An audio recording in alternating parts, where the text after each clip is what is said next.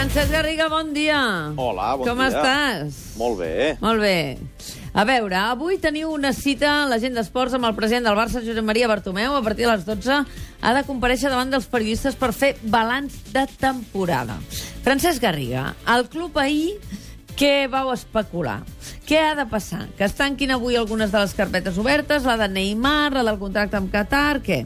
A veure, en principi la del contracte de Qatar no pinta, o contracte de Qatar o de publicitat a la samarreta, uh, pinta que no serà avui. Per tant, això no serà.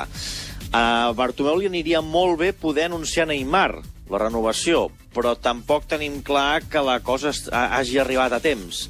I la tercera història que està més o menys confirmada, que és el fitxatge d'un tití, ni té la encara el pes com per eclipsar res, ni tampoc creiem que es pugui anunciar perquè un tití encara està jugant a Eurocopa i és difícil que quan aquest jugador encara és a l'Eurocopa es pugui anunciar el seu traspàs. Per tant, avui no tenim clar que hi hagi una gran bomba de Bartomeu mm, a l'hora de fer aquest balanç de temporada. El que sí que sabem d'un Tití és que a França ja donen per fet l'acord entre els dos clubs i que seria una operació que estaria voltant els 30 milions mm. d'euros.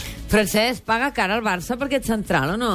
Home, pinta que barat no surt perquè 30 milions són molts calés, però és que no hi ha alternatives. Ahir ho vam estar comentant i certament mm, o era això o, o, es feia difícil d'imaginar-se quin era el relleu i evidentment això els clubs que han de vendre els jugadors ho saben marquen un límit i el Barça o supera aquest límit o, o es quedava sense central i com que feia falta un central doncs mm, poc a dir.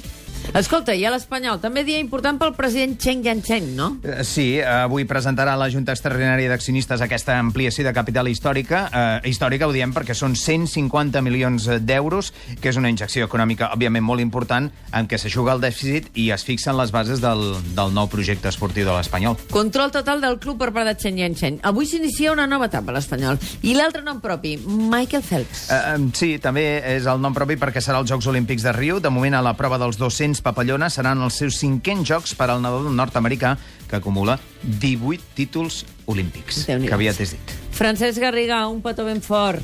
Bon dia. Que vagi bé, bon dia, company.